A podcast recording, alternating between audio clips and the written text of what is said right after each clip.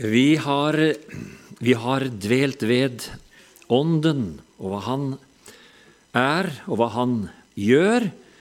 I dag skal vi se på dette å være født av Ånden.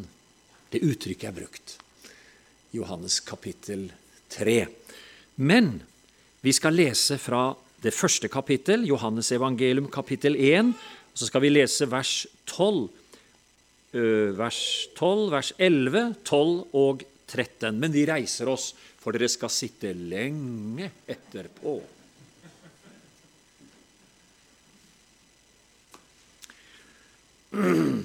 Og så står vi nå i ærbødighet og respekt for det levende Guds ord.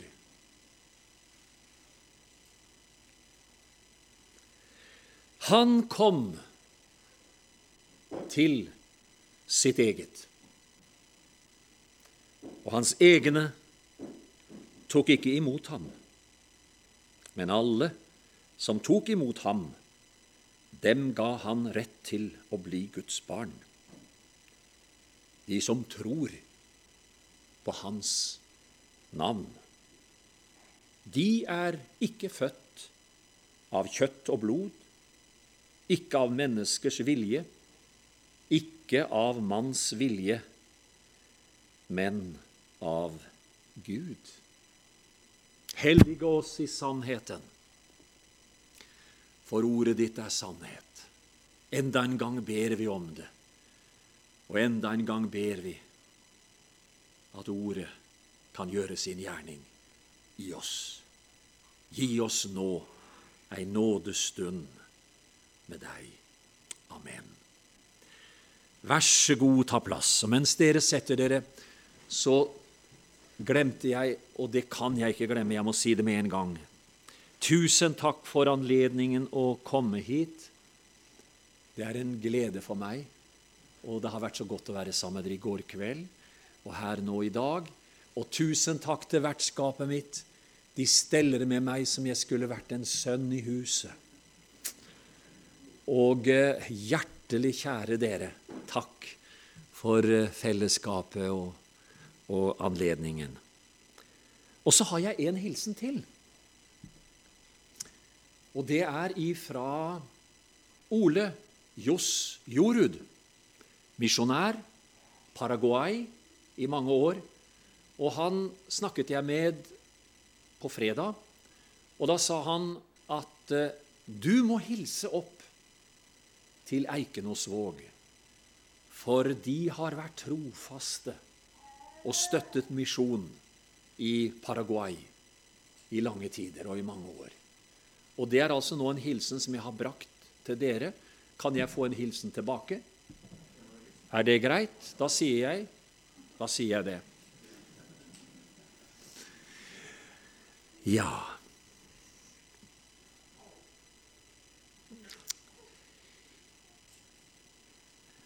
Hvor skal vi begynne? Ja, jeg spør nesten meg selv. Dette ordet som vi nå har lest, det 11., 12. og 13. kapittel i det første kapittel, unnskyld, vers i det første kapittelet i Johannes evangeliet, det er altså hentet eh, i den såkalte mm, Kristus-prologen, er det ikke det de kaller den? Som begynner med det første verset, som beskriver Jesus i sin før-eksistens før han ble menneske. Og der står det sånn, og hvis du får det på skjermen, så ser du det. Der er det tre setninger. De er korte. De er så korte. Men de inneholder så enormt mye. De sier noe om hans evighet. Det er det første. De sier noe om hans personlighet. Og de sier noe om hans guddommelighet. Tenk at det går an å få tre så evige sannheter inn i tre korte vers. Det står altså i begynnelsen var ordet der allerede. Da Gud skapte himmel og jord, var ordet. Han kommer fra evighet. Det er hans guddomsperson. Ordet var hos Gud. Det står noe da om hans personlighet. Og det tredje ordet var Gud. Det sier noe om hans guddommelighet. Så blir han menneske, og eh, så kommer han til sin egen Jeg kan ikke ta alt det som er imellom, for det ville ta for lang tid. Så blir han altså menneske. Og her i det vi leser med hverandre, så sier altså Johannes at han kommer til verden som en jøde. Han kom til sitt eget, det var det jødiske folk. Og ehm, de tok ikke imot ham. Han kommer til verden som jøde, verdens mest forfulgte folk. Et folk som også i dag opplever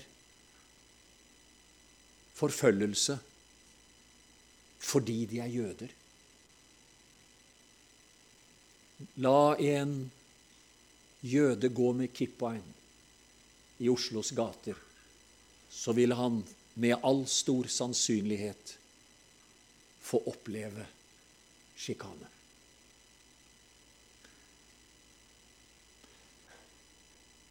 De tok ikke imot ham.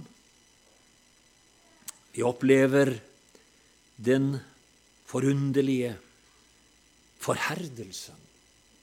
Og hva bestod deres forherdelse i? Jo, de trodde ikke. Kirken sa det er gudsmorderne. Men det står det ikke. I denne byen, sier Peter i Jerusalem, slo de seg sammen, både jøder og hedninger, og gjorde det som ditt ord forut hadde sagt skulle skje. Du forstår? Denne forherdelsen, den er et mysterium, og vi forstår den ikke. Gud står ansvarlig for den. Det står det i romebrevet. Men det var muligheten som gjorde at evangeliet kunne komme til oss. Det er bare noen korte ord om det. Og så står det Men alle de som tok imot ham.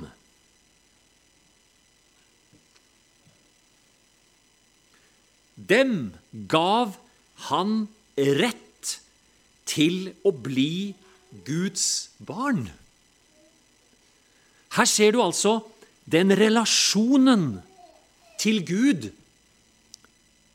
som vi har fått rett til ved at vi tok imot Jesus. Og det er jo ikke det at vi bare kalles Guds barn. Men vi er det, sier Johannes også i sitt brev. Nå er vi Guds barn. Det er ikke åpenbart hva vi skal bli. Og så sier Johannes noe mer. Han sier at uh, vi er ikke adopterte. Vi er født. Han bruker altså dette verset og sier de er født.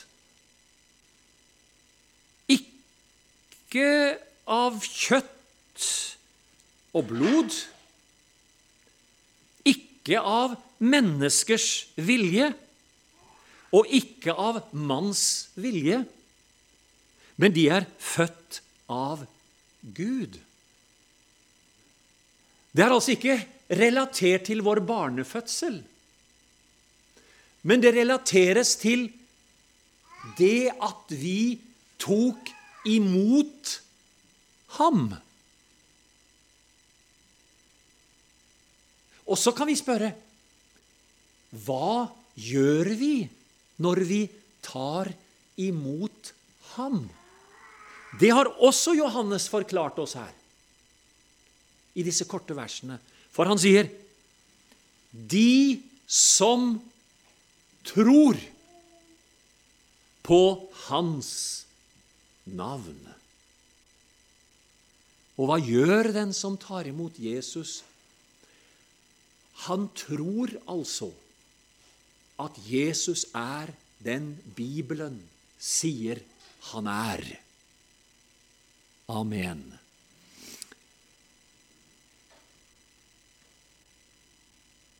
Det er svimlende. Det er vakkert, det er herlig. Ja, men var ikke det godt å høre? Jeg tror jeg koster på meg et halleluja. Absolutt. Er det det? Hva er det altså å tro?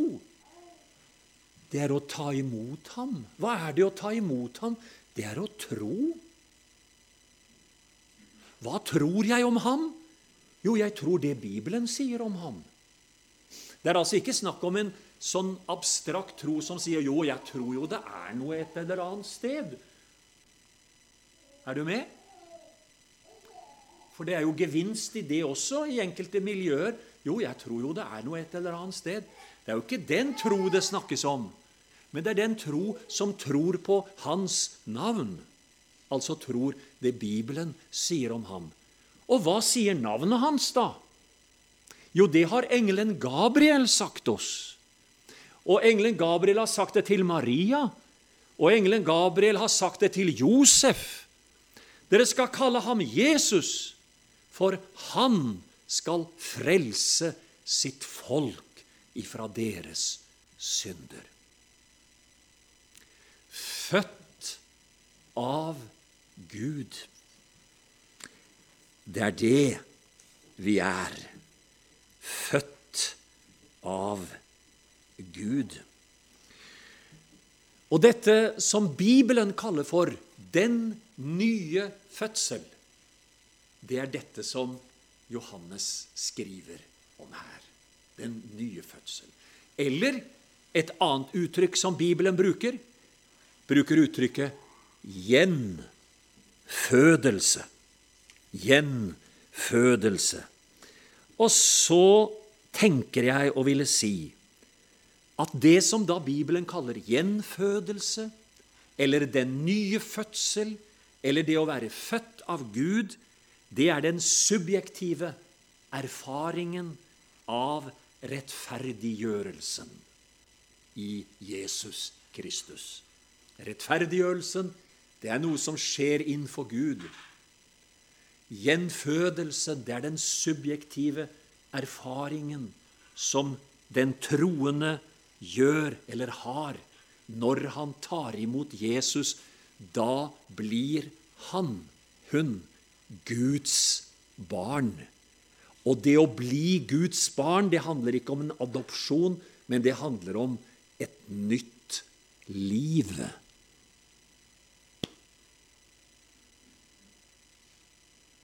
Amen. Hvis du går til det tredje kapittel i Johannes evangeliet, så møter du Jesus og Nikodemus. Nikodemus er en rådsherre. Han hører altså til de 70 eldste. Synhedriet er det samme som ja, Vi kunne vel kanskje sammenligne det mest som stortingsrepresentanter i Norge. Han kommer til Jesus om natten. Og han bekjenner sin tro på at Jesus må være en lærer kommet fra Gud.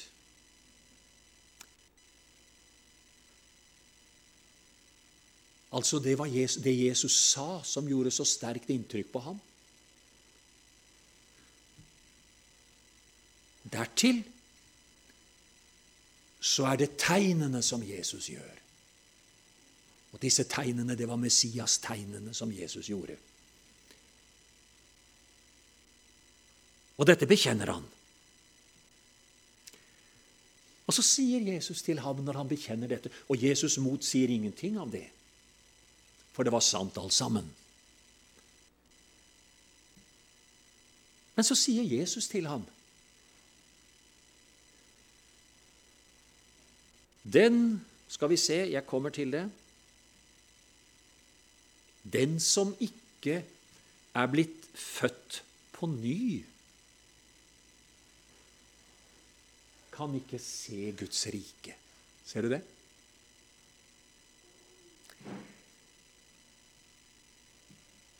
Og det svaret, det forbauser Nikodemus. Født på ny? Er jeg født Eller må jeg bli født på ny? Eller hva er det å bli født på ny?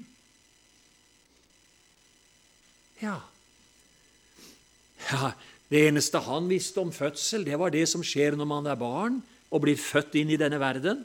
Ikke sant? Jesus svarte ham, Sannelig, jeg sier deg, den som ikke blir født av vann og ånd, kan ikke komme inn i Guds rike. Nå kan jeg komme med et spørsmål til dere. Hva betyr det? Født av vann og ånd. Tror dere at Jesus mente at Nikodemus kunne bli født på ny, eller var født på ny, der og da? Noen har jo henvist det ordet til dåpen. Men Jesus innstiftet ikke dåpen før efter sin oppstandelse. Så dette ordet det relaterer seg neppe til den kristne dåp. Men når Jesus snakker om vann og ånd, så forstår vi alle hva ånden er. Men dette med vannet, det er vel sannsynligvis det omvendelsesvann som Johannes døperen var veirydder for at de skulle vende seg om til ham som skulle komme, altså til Jesus. De skulle bli født på ny av vann og ånd for å komme inn i Guds rike. Og så blir det en samtale om dette.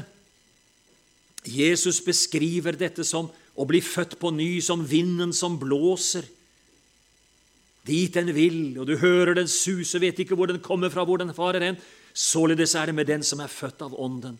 Hvordan kan det skje? sier Nikodemus. Hvordan er det mulig? Og så forteller Jesus hvordan den nye fødsel kan skje. Og hva sier han? Jo, han refererer til en hendelse som var lett å fatte, som Israels folk hadde opplevd i ørkenen. De hadde syndet mot Gud. De hadde Og så hadde det kommet serafslanger inn i leiren, og de var dødelige sin dødelige gift, og, og det var overalt. Og folk ble forferdelige, og mennesker døde. Og, og, de gikk til Moses og sa, 'Du må hjelpe oss, Moses. Hva skal vi gjøre?' Og Moses gikk til Herren, og Herren sa til Moses, 'Nå skal du lage en kobberslange.' Så skal du henge den, sette den på en stolpe. Skal du gå gjennom leiren. Og alle som ser på denne stolpen, eller denne kommerslagen, de skal bli helbredet. Og Moses gjorde det. Og han hadde sikkert kunstnere som kunne lage denne slangen. Formulerte den rundt. Og du vet, denne slangen, For å få denne slangen til å henge på denne stolpen, så måtte han kanskje ha et lite kryss der oppe. Og da ligner det på det som skulle skje tre år etterpå korset.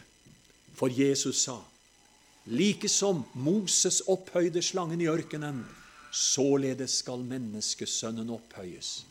Hvordan kan et menneske se Hvordan kan et menneske bli født på ny? Jo, Jesus sa det. Jesus sa det. at slik som Moses løftet opp slangen i ørkenen, slik må menneskesønnen bli løftet opp, for at hver den som tror på ham, skal ha evig liv.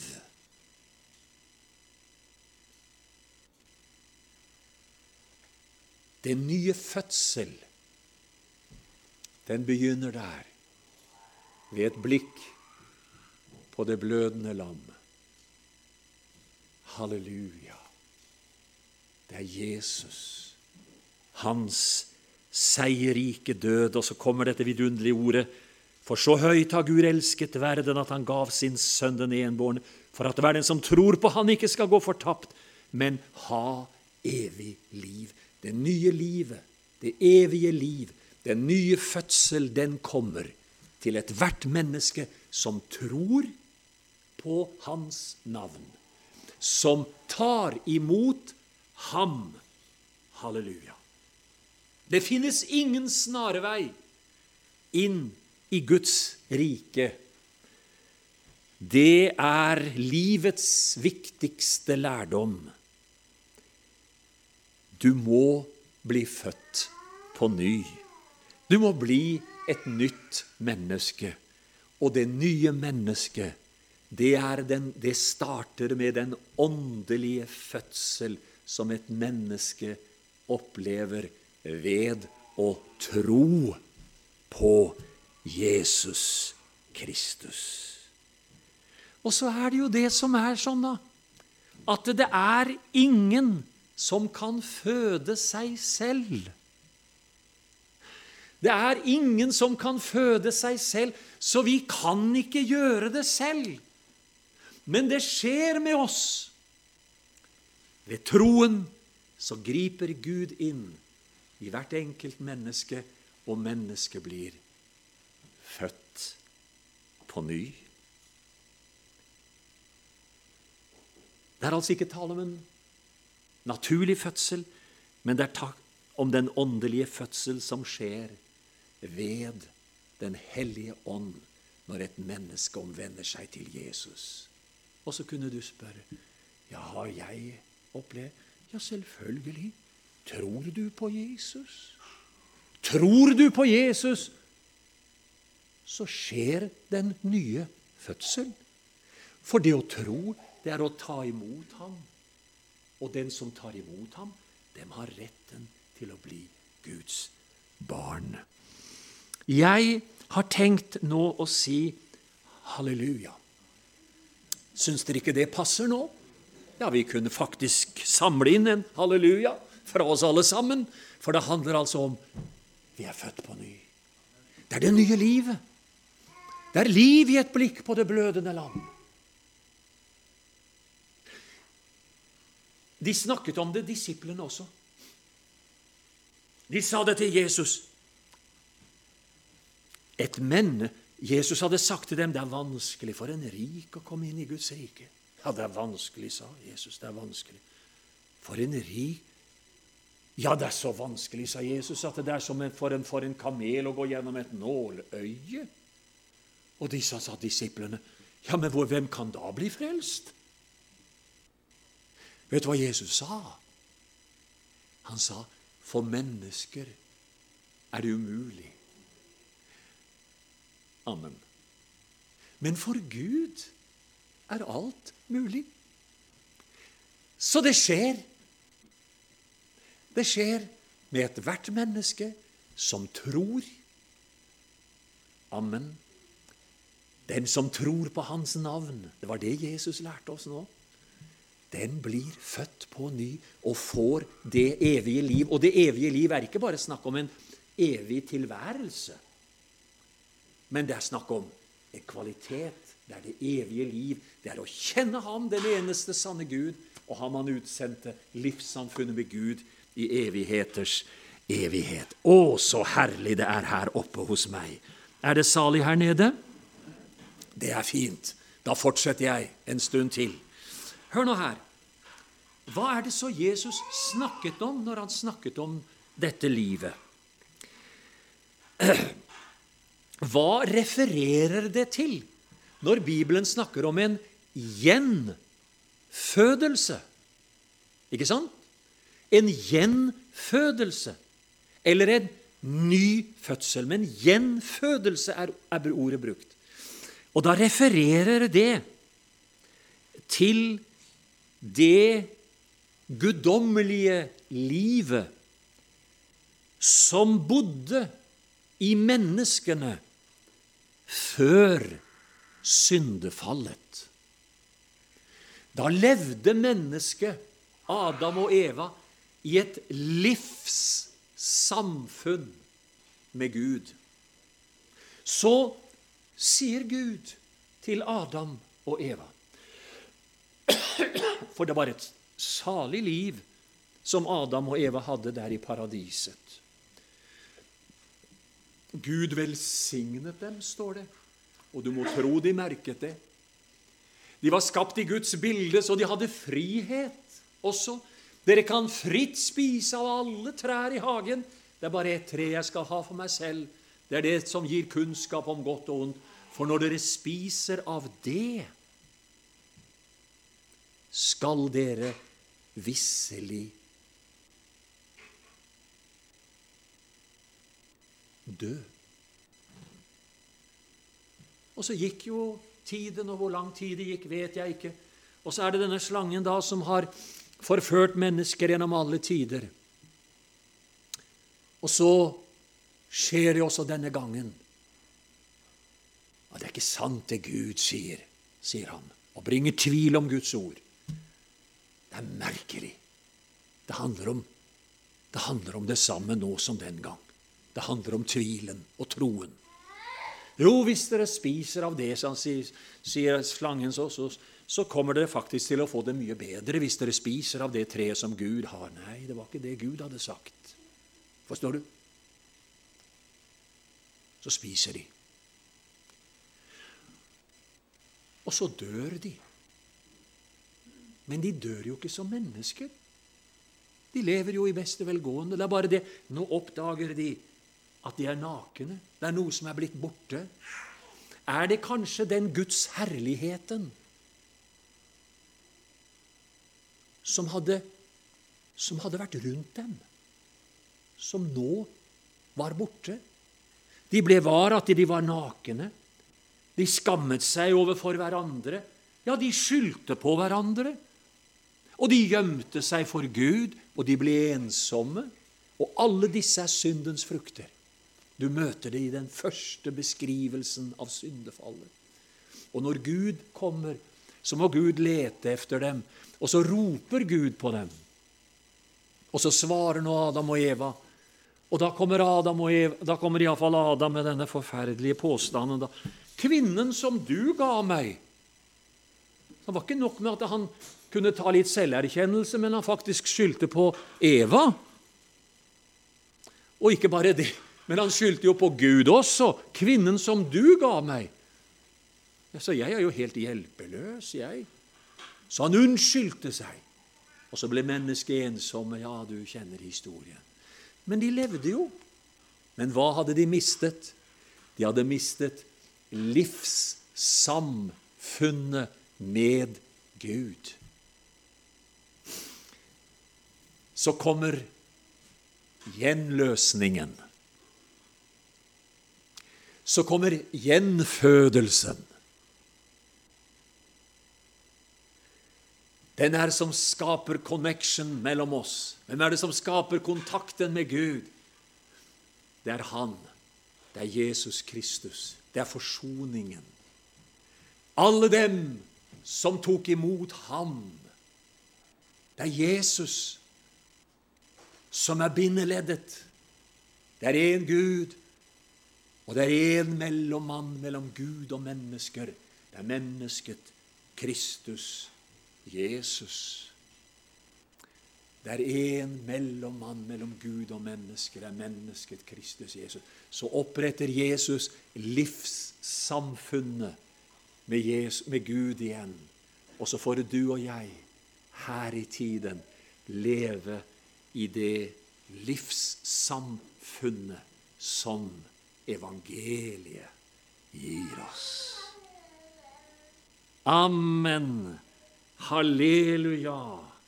Amen. Er det noe rart i at den er salig? Så vidunderlig. Mellommannen.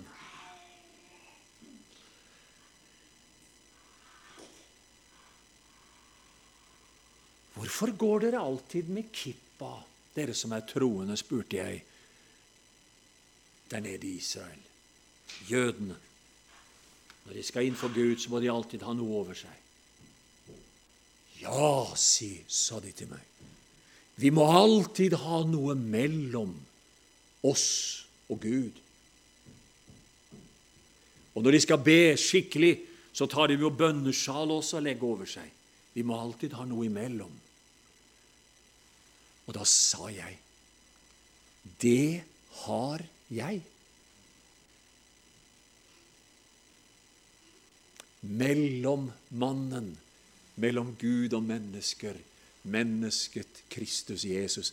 Og det er ingen fordømmelse for den som er i Kristus Jesus. For livets ånds lov har i Kristus Jesus gjort meg fri. Vi blir gjenfødt til en ny skapning. Så er det da ingen fordømmelse, ja, for den som er i Kristus Jesus. Takk og lov for det. Også dere har han gjort levende. Husker du? Efesebrevets kapittel 2. Også dere har han gjort levende, dere som var døde. Like døde som Adam og Eva var efter syndefallet, var vi også. Men dere gjorde han levende. Takk og lov og pris. Et livssamfunn med Gud gjennom Jesus. Det er vår livssituasjon i dag. Halleluja. Og så har du Paulus, som skriver til korinterne, og så sier han å være en ny skapning. En ny skapning. Det er et nytt liv i Kristus Jesus. Det gamle er borte. Se, alt er blitt nytt. Takk og lov og pris. Hvor lenge kan vi holde på her nå, Harry? Nei da. Skal ikke sette deg på prøve. Skal ikke sette deg på prøve. Nå skal jeg ta bare noen få punkter til slutt av det. Det høres ikke, det høres ikke sant, salig ut. Det høres salig ut. Hva fikk vi i den nye fødselen, da? La oss begynne der. Hva fikk vi i den nye fødselen? Skal jeg namse opp en tre-fire punkter? Ja, For det første så fikk vi selvfølgelig det alle får når de blir født. Ikke sant? Vi fikk liv. Vi fikk liv. Livssamfunn med Gud, med Jesus Kristus. Halleluja. Dere var en gang døde, som jeg sa, på grunn av misgjerningen og syndene deres. I vers 4 står det, men Gud, som er så rik på miskunn, han har for sin store kjærlighets skyld, som han elsket oss med, gjort oss levende med Kristus. Vi som var døde, av nåde er dere frelst. Oppvakt oss med ham og satt oss med ham i himmelen i Kristus Jesus, for at han i de kommende tider kunne vise sin nådes overvettes rikdom i godhet mot oss i Kristus Jesus. Livet, kristenlivet, livssamfunnet, det evige liv. Dette er det evige liv, at vi kjenner Ham, den eneste sanne Gud, om Han han utsendte, Jesus Kristus. Vi fikk evig liv. Et liv jeg nå eier, som aldri kan dø. For Kristus det evige liv. Og det forunderlige og det underfulle Døden er ingen fiende for en troende. Døden er ingen fiende for den troende. Borte fra legemet, men hjemme hos Herren. Det nye livet, det har noe mer med seg. Det nye livet det har en guddommelig natur. Du har merket det, du også. Trangen, behovet, ønsket om å leve helt for Jesus. Den guddommelige natur. Det er den som hungrer og tørster efter mer av Herren og efter Herren. Takk og lov så vet vi også at vi har et kjød. Det kjødet vil, det er død, sier Paulus i Romerne 8,6. Men det Ånden vil, det er liv og fred. Ja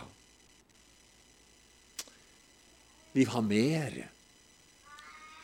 Vi har et barnekår.